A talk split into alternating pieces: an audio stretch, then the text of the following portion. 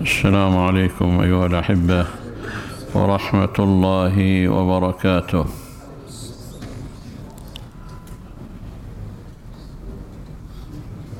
حياة الإمام المنتظر تتشكل من ثلاث مراحل. المرحلة الأولى هي مرحلة الغيبة الصغرى. المرحلة الثانية هي مرحلة الغيبة الكبرى. المرحلة الثالثة هي مرحلة الظهور. المرحلة الأولى التي نسميها المرحلة مرحلة الغيبة الصغرى بدأت مع بداية إمامة الإمام المنتظر. سنة 260 للهجرة. واستمرت ما يقرب من سبعين سنة أو أقل. هذه الفترة كانت تسمى الغيبة الصغرى وهي تهيئ ذهنية أتباع المدرسة إلى الغيبة الكبرى. حتى لا تفاجأ الأمة بغيبة كبرى. في الغيبة الصغرى كان الإمام يتواصل مع قواعده الشعبية عبر السفراء. كان هناك سفراء هم حلقة الوصل بين الإمام وبين الناس. انتهت هذه المرحلة مرحلة الغيبة الصغرى. وبدأت مرحلة الغيبة الكبرى من سنة 329 للهجرة وحتى الآن الغيبة الكبرى قائمة.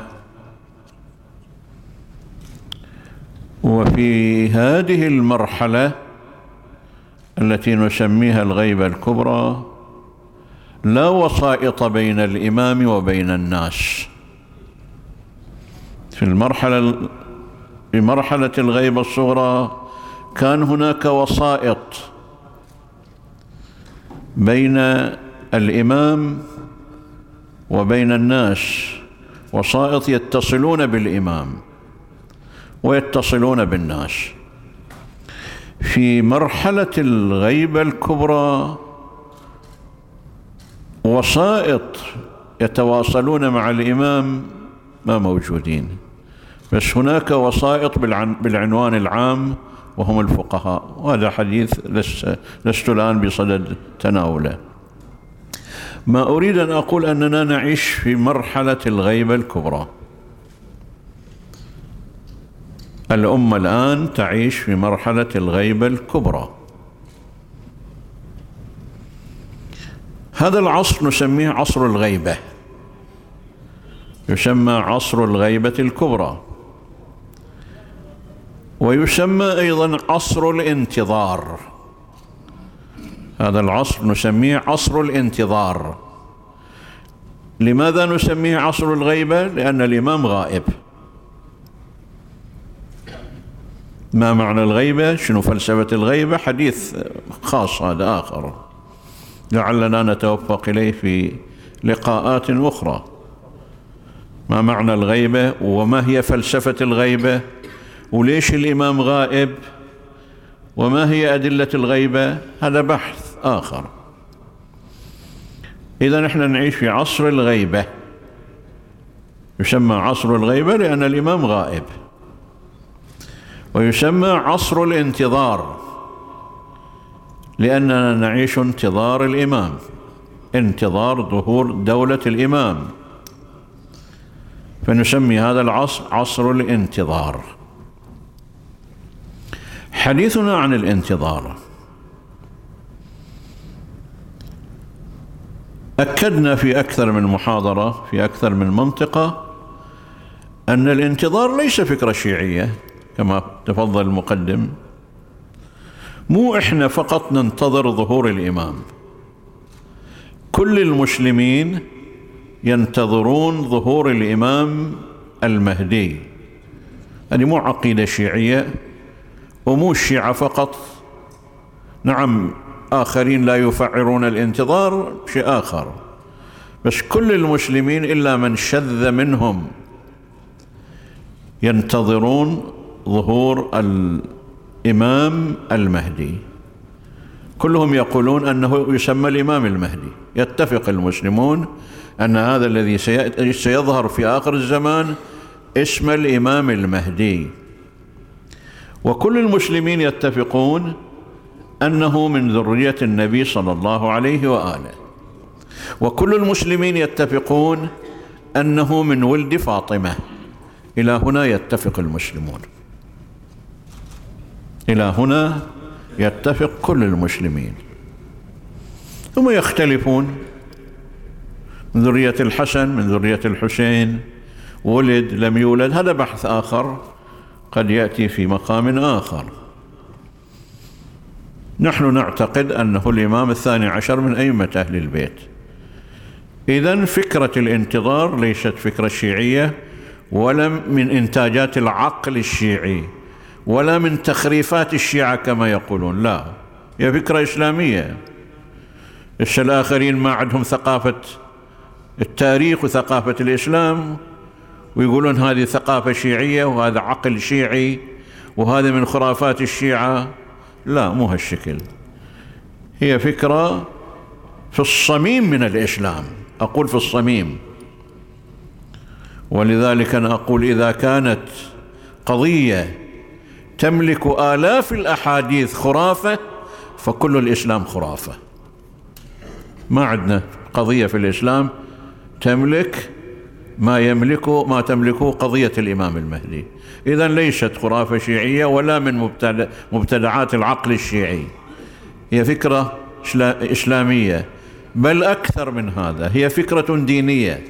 كل الأديان السماوية تؤمن بالمخلص في آخر الزمان. كل الأديان السماوية. المسيحية اليهودية البوذية كل العقائد السماوية وغير السماوية. تؤمن بوجود مخلص في آخر الزمان. مو بس هي عقيدة إسلامية لا عقيدة دينية بل عقيدة بشرية. كل النظريات كل حتى النظرية الماركسية الشيوعية تؤمن بالإمام المهدي. شو يقول شلون يعني الشيوعيين يؤمنون بالإمام المهدي؟ الشيوعيون يؤمنون بأن في آخر مطاف البشر بيجي حكومة حكومة عدل في العالم تحكم العالم. هم يسمونها حكومة الطبقة العاملة أو أي شيء بروتاليا أو أي شيء يسمونه ما شغل. يؤمنون أن في, في, النهاية في آخر الأشواط بتصير هناك دولة عدل في الأرض. هي دولة العدل دولة الإمام المنتظر. إذا ما في إنسان في الدنيا ما يؤمن بدولة الإمام المنتظر.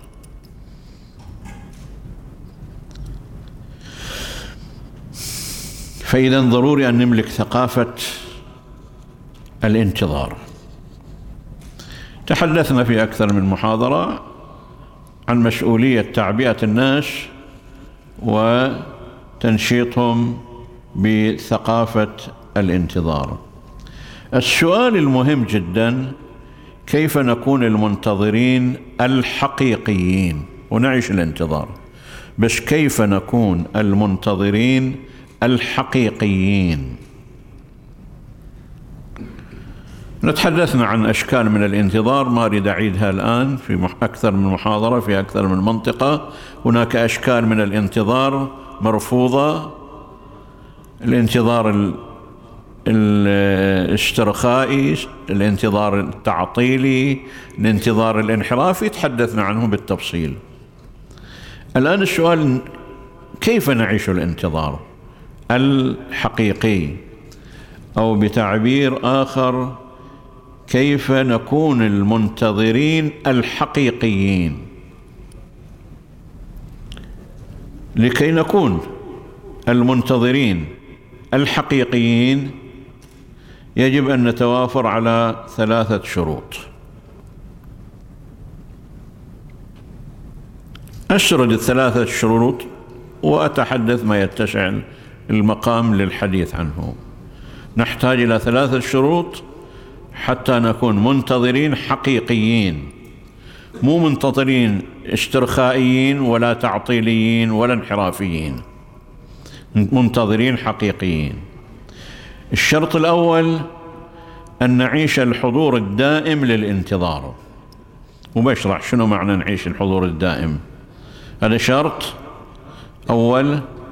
أن نعيش الحضور الدائم للانتظار. الشرط الثاني الإعداد العملي للانتظار. الشرط الثالث الارتباط بالقيادة النائبة في عصر الانتظار. في قيادة نائبة عن الإمام في عصر الانتظار لازم نرتبط بها. فإذا لم نعش الحضور الدائم ولم نمارس إعدادا عمليا ولم نرتبط بالقيادة النائبة فلسنا منتظرين للإمام. خلنا نجي نحاول نلقي الضوء على الشرط الأول. الشرط الأول أن نعيش الحضور الدائم للانتظار. ما معنى أن نعيش الحضور الدائم للانتظار؟ يعني أربعة أمور. أن نعيش الحضور الدائم هذا الشرط الأول. ما معنى أن نعيش الحضور الدائم؟ هنا أربع أمور لابد أن تتوافر حتى يصدق أن نعيش الحضور الدائم. الأمر الأول أن يكون الإمام المهدي حاضرا في ذاكرتنا بشكل دائم وبوضح الفكرة. أن يكون في, في ذاكرتنا في عقلنا في فكرنا في ثقافتنا بشكل دائم الإمام موجود. هذا واحد. اثنين أن يكون الإمام حاضرا في قلوبنا في ضمائرنا في وجداننا في مشاعرنا. مو بس في عقلنا. لا في القلب وفي المشاعر. هاي اثنين؟ ثلاثة. أن يكون الإمام حاضرا على ألسنتنا في ذكرنا. أربعة. أن نترقب الظهور بشكل دائم. دائما نعيش حالة استعداد وترقب لظهور الإمام. هذه أربع أمور. خلني أوضح الفكرة بشاهد. وش معنى هاي الأمور الأربعة؟ وهل إحنا نعيشها في العمق؟ لو في الشكل. يمكن كنا نقول إحنا الإمام في ذهننا والإمام في قلوبنا والإمام على ألسنتنا وإحنا نترقب ظهوره. ما في شيعي ما يعيش هاي الأمور الأربعة. بس الكلام؟ هل نعيشها في العمق؟ نعيشها وعيا حقيقيا نعيشها واقعا أو لا. خلني أذكر هذا الشاهد حتى بعدين ننتقل لهذه الفكرة. أنتم كلكم تعلمون قصة نبي الله يعقوب وابن يوسف. في القرآن تقرون قصة نبي الله يعقوب وابن يوسف. غيب يوسف. غيب يوسف. ويعقوب يعلم أن يوسف موجود بس غائب. يعقوب ينتظر عودة يوسف. بس كيف كان ينتظر العودة؟ حتى نقدر نشوف إحنا صدق إحنا ننتظر الإمام. لو هي الكلمات نقولها. كيف كان يعقوب ينتظر عودة ابنه يوسف؟ هل غاب عن ذاكرة هل غاب يوسف عن ذاكرة يعقوب في لحظة من اللحظات؟ كلكم تعلمون كان حاضر في ذاكرة يعقوب بشكل دائم.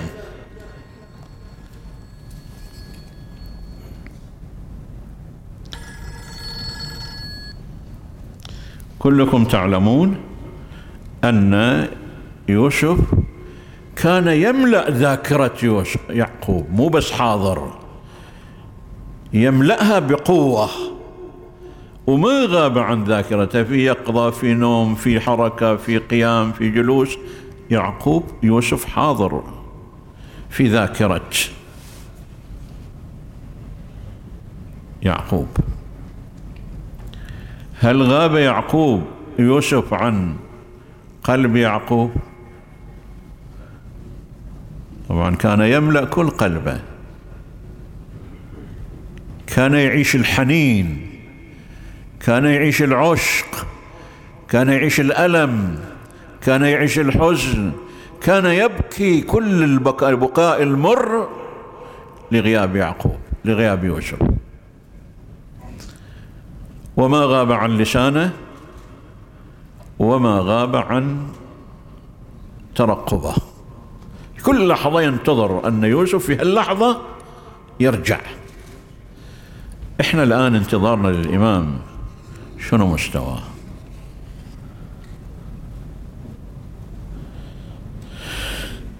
إحنا قلنا أن يكون الإمام المنتظر حاضر في ذاكرتنا. وكل واحد من عندنا خليه يسأل نفسه شنو مستوى حضور الإمام في ذاكرته؟ أنت الآن شقد مساحة الإمام في ذاكرتك؟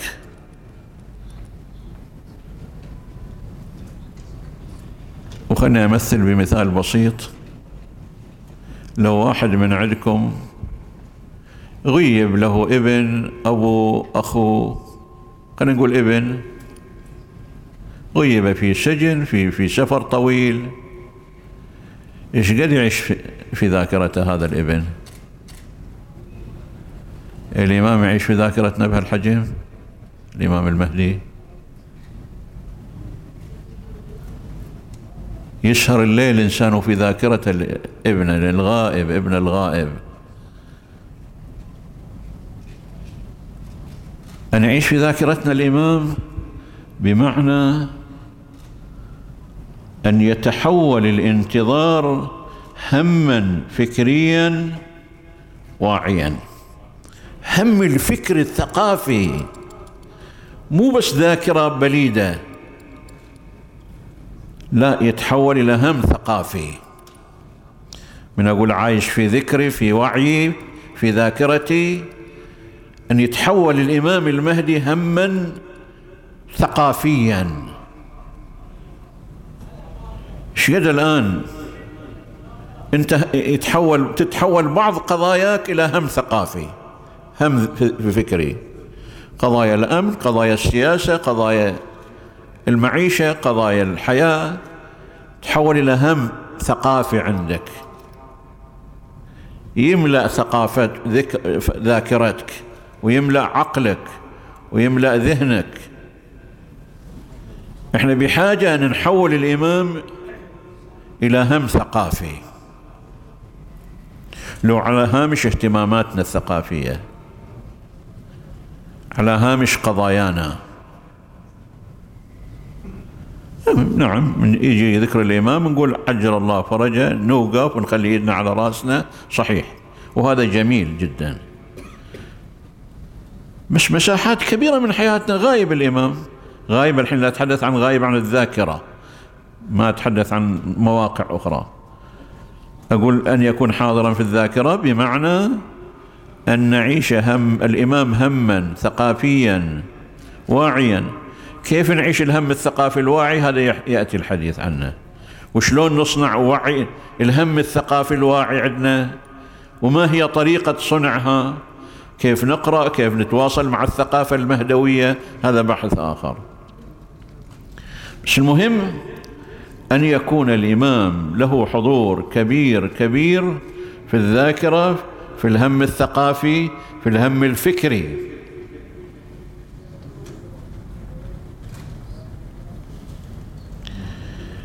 أما أن يتحول إلى هم في قلوبنا هذه النقطة الثانية أن يتحول الانتظار هما نفسيا ووجدانيا ينتج عشقا وانصهارا وذوبانا وحزنا وبكاء وحنينا وشوقا.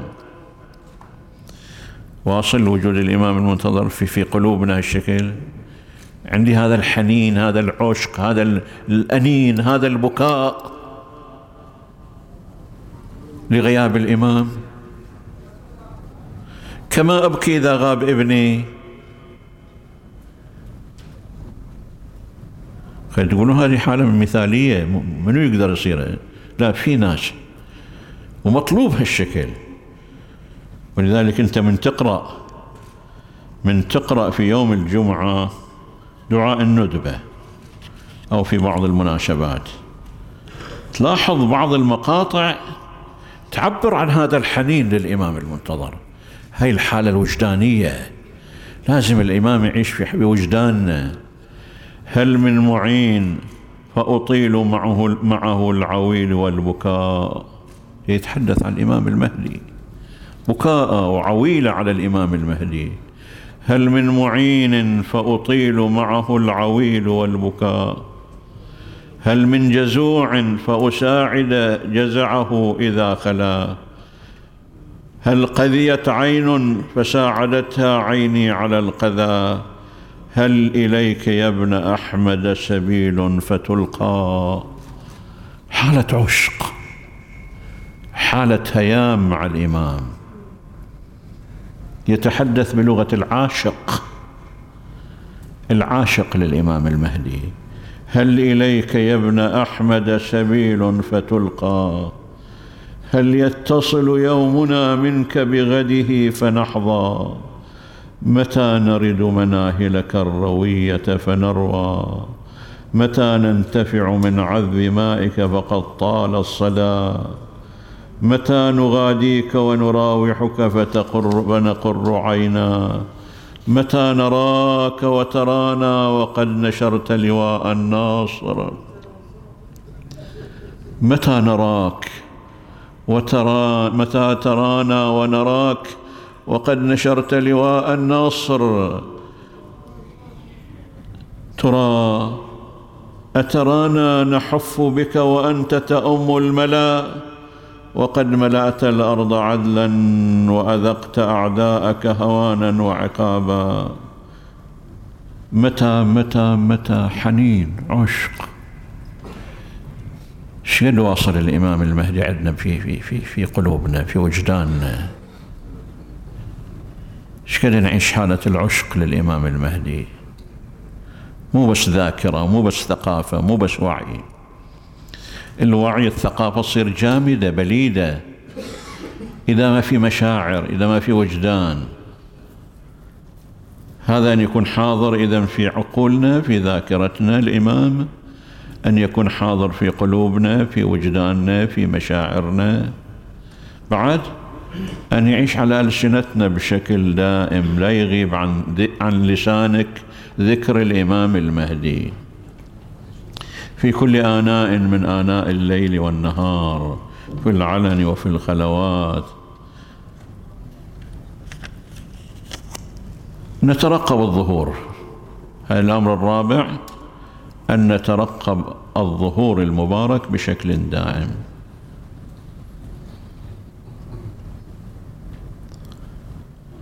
وهناك إشكال. ليش يعني أترقب الظهور في كل آن؟ يعني الآن أقول يمكن الآن الآن يظهر الإمام. هذا الترقب. وإحنا الروايات محددة. أولا طبعا روايات تلعن الموقتين. اللي يوقتون ظهور الإمام بوقت الروايات تلعنهم ما في توقيت. نعم الروايات قالت بشهر رمضان الصيحة محرم يطلع الإمام بس أي محرم؟ أي شهر رمضان؟ ما ندري. ما في توقيت. بس إحنا مطلوب أن نعيش ترقب. أقول السنة يظهر الإمام الصيحة بشهر رمضان السنة يظهر في محرم. هذا معنى الترقب الدائم. يأتي الأمر من الله إلى الإمام بالظهور. حتى الإمام لا يعلم متى يظهر. لا يعلم إلا الله. يصلحه الله في ليلة. وش معنى الأحاديث؟ يعني يأتي الأمر إلى الإمام المهدي أن اظهر إذا هنا أقول ما فائدة الترقب الدائم إذا كان هناك تحديد؟ هذه بنجاوب على الإشكال في حديث آخر.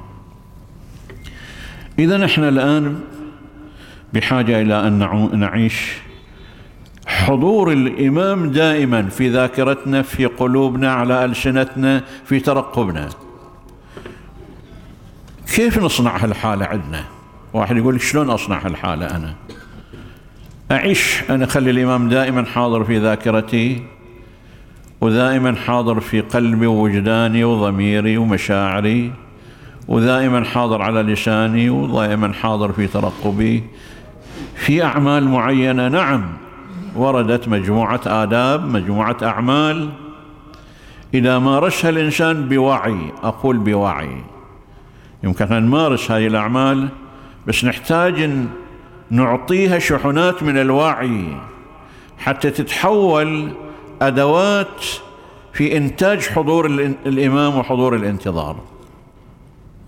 مجموعة أعمال ولعلها مذكورة في كتب الأدعية في كتب الزيارات. مطلوب أن نحافظ عليها بشكل دائم حتى نخلي الإمام حاضر في الذاكرة في القلب في, في, في الحياة. جزء من من كينونتنا الثقافية والنفسية والعملية مجموعة أعمال. العمل الأول المواظبة على بعض الأدعية. في أدعية مطلوب أن نحافظ عليها بشكل دائم. حتى نخلي الإمام حاضر. بذكر نماذج من الأدعية والحديث يطول في هذه النقطة. بس بذكر مثالين أو ثلاثة أمثلة من الأدعية المطلوب نحافظ عليها في زمن الغيبة. حتى نخلي الإمام حاضر عندنا مو غائب جزء من كياننا الذهني والنفسي والعملي الدعاء الأول هو دعاء الغريق. يسمى دعاء الغريق. وموجود في مفاتيح الجنان موجود في بعض الكتب الأدعية موجود الدعاء. دعاء قصير وجميل جدا لو واحد يلتزم به يوميا بعد كل صلاة ثلاث أربع أسطر مو أكثر في كل وقت. عن عبد الله بن سنان أحد أصحاب الإمام الصادق. يروي عن الإمام الصادق عليه السلام أنه قال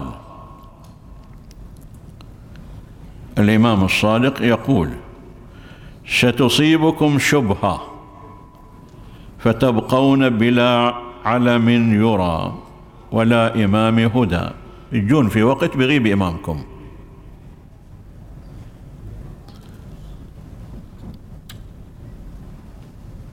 ستصيبكم شبهة شوفوا نفسكم ما في إمام عندكم.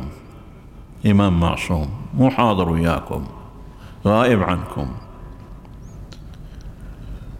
ولا إمام هدى ولا ينجو أي من هذه الشبهة إلا من دعا بدعاء الغريق.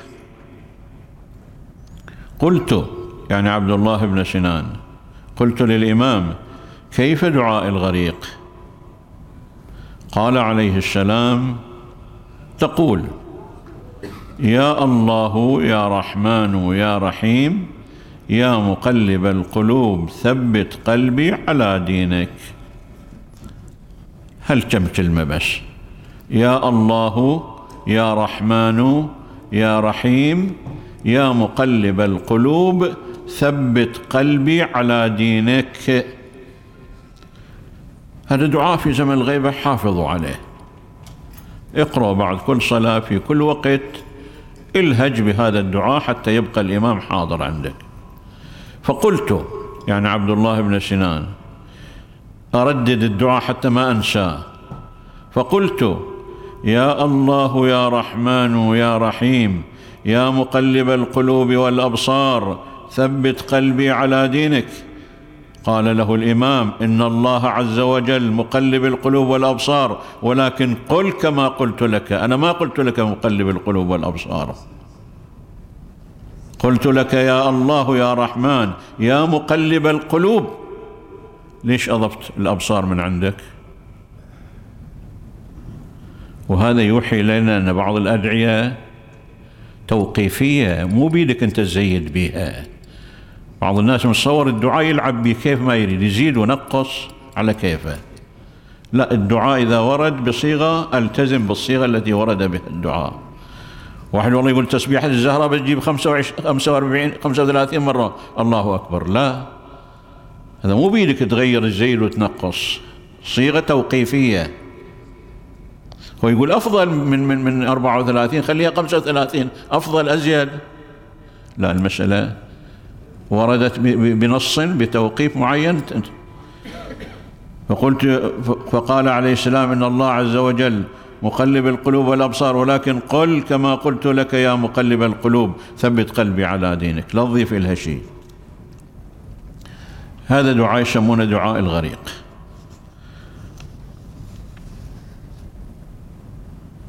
نعيشه نخليه هاجس عندنا ومع التأمل في دلالاته في معناه ومو بس ترداد شكلي لسان لساني بلا استيعاب بلا معنى بلا انصهار وجداني.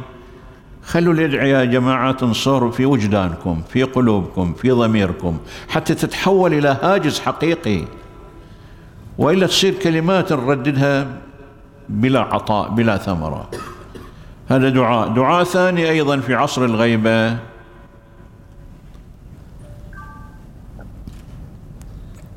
عن الإمام الصادق. يقول له يا زرارة عن زرارة. يا زرارة إن أدركت ذلك الزمان أي زمان غيبة الإمام المهدي. إمام الصادق يقول ذلك أئمتنا كانوا يهيئون الشيعة إلى مرحلة الغيبة. يقول له إذا يا زرارة إن أدركت ذلك الزمان يعني زمان غيبة الإمام المهدي فأدم هذا الدعاء. واظب على هذا الدعاء. اللهم عرفني نفسك فإنك إن لم تعرفني نفسك لم أعرف رسولك. اللهم عرفني رسولك فإنك إن لم تعرفني رسولك لم أعرف حجتك. اللهم عرفني حجتك فإنك إن لم تعرفني حجتك ضللت عن ديني. هذا المقطع. وفي دعاء طويل في هذا المقطع بس هذا المقطع وردت الرواية أن تحافظ على قراءته في زمن الغيبة. مو مو كبير ومو صعب ويمكن واحد يكتبه ويخليه بجيبه وبعد كل صلاة يقرأ في كل مناسبة يجد نفسه فارغ يقرأ هذا الدعاء. ثلاثة. في دعاء يسمونه دعاء العهد. دعاء العهد. أيضا مروي عن الصادق في عدة مصادر حديثية وتجدون في مفاتيح الجنان أيضا. دعاء صفحة ونص من مفاتيح الجنان. هذا الدعاء يقرأ بعد صلاة الفجر. في كل يوم بعد صلاة الفجر افتح مفاتيح الجنان واقرأ دعاء العهد. الرواية عن الإمام الصادق ذكرها أكثر من مصدر حديث. تقول من دعا إلى الله أربعين صباحا بهذا العهد هذا الدعاء اللي يسمى دعاء العهد. الإمام الصادق كما تقول الرواية يقول من دعا إلى الله أربعين صباحا بهذا العهد كان من أنصار قائمنا وإن مات أخرجه الله إليه من قبره وأعطاه الله بكل كلمة ألف حسنة ومحى عنه ألف سيئة. دعاء العهد. اقرأوا دعاء العهد.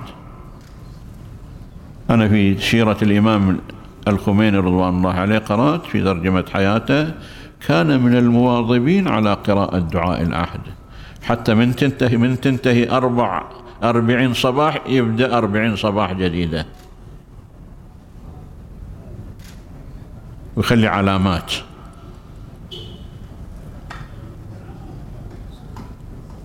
وأكد أيضا قراءة بتأمل بتبصر باستيعاب هذا في دلالات كبيرة دعاء العهد في مضامين كبيرة عالية جدا.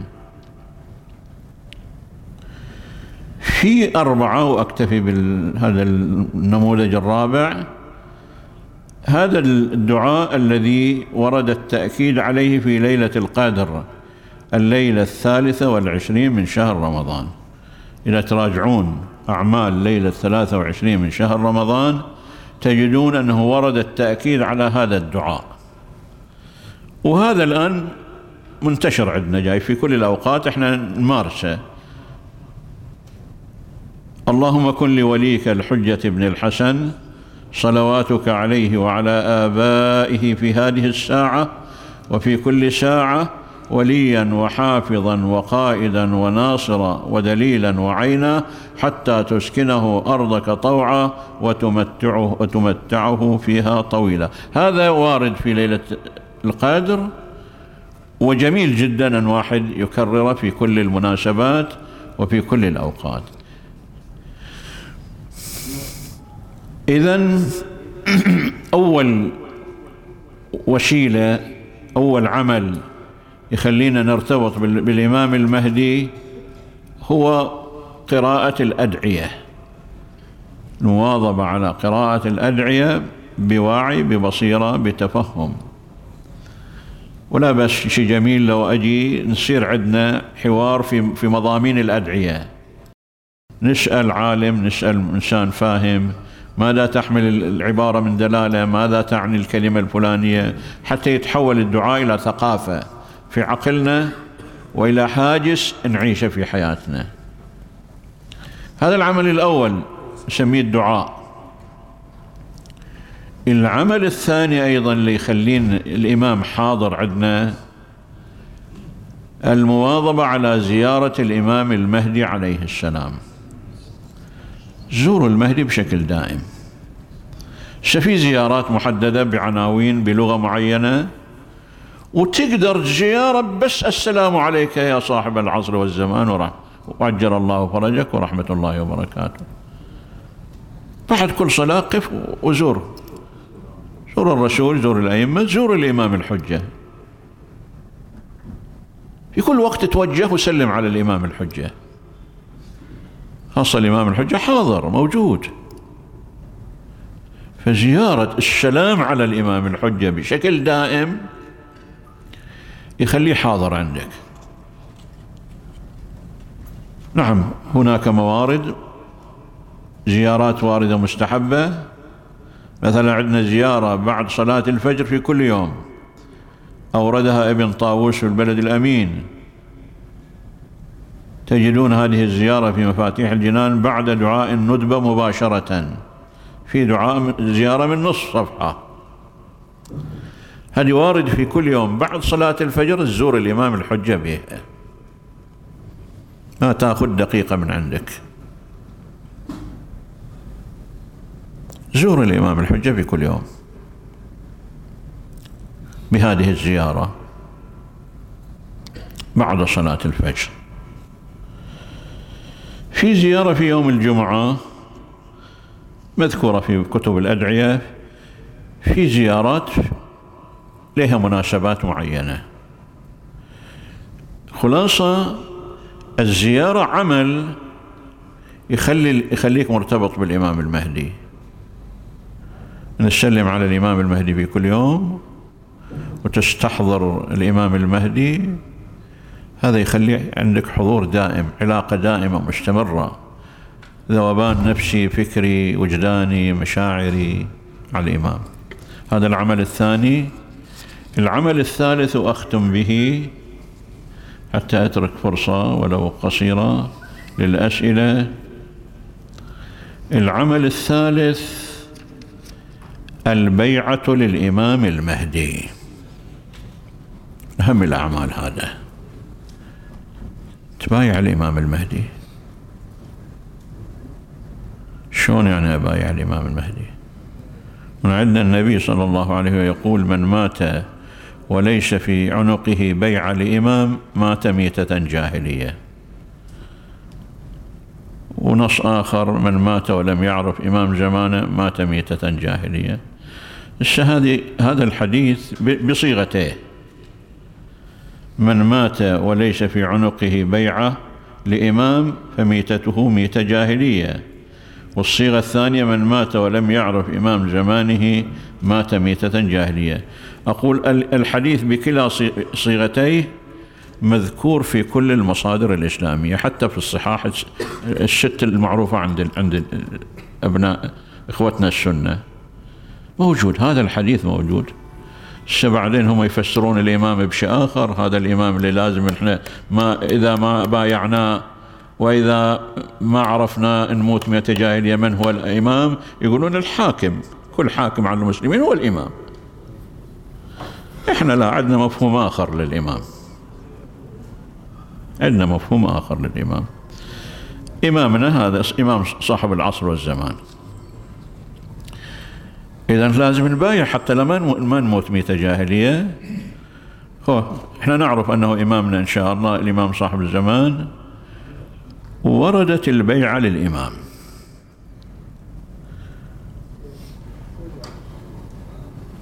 طبعا في مقاطع الزيارات والأدعية تلاحظون مقاطع للبيعة لبيعة الإمام. أذكر هذين المقطعين. في بعض الزيارات تلاحظون في زيارة الإمام المهدي المستحبة بعد كل صلاة فجر وارد هالمقطعين. هالمقطعين يشكلون بيعة للإمام. أنت إذا يوميا ملتزم بهم أنت يوميا تبايع الإمام. المقطع الأول اللهم إني أجدد له في هذا اليوم وفي كل يوم عهدا وعقدا وبيعة في رقبتي. هذا بيعة للإمام. اللهم إني أجدد له في, في هذا اليوم وفي كل يوم عهدا وعقدا وبيعة في رقبتي. ومقطع آخر في نفس الزيارة اللهم هذه بيعة له في عنقي إلى يوم القيامة.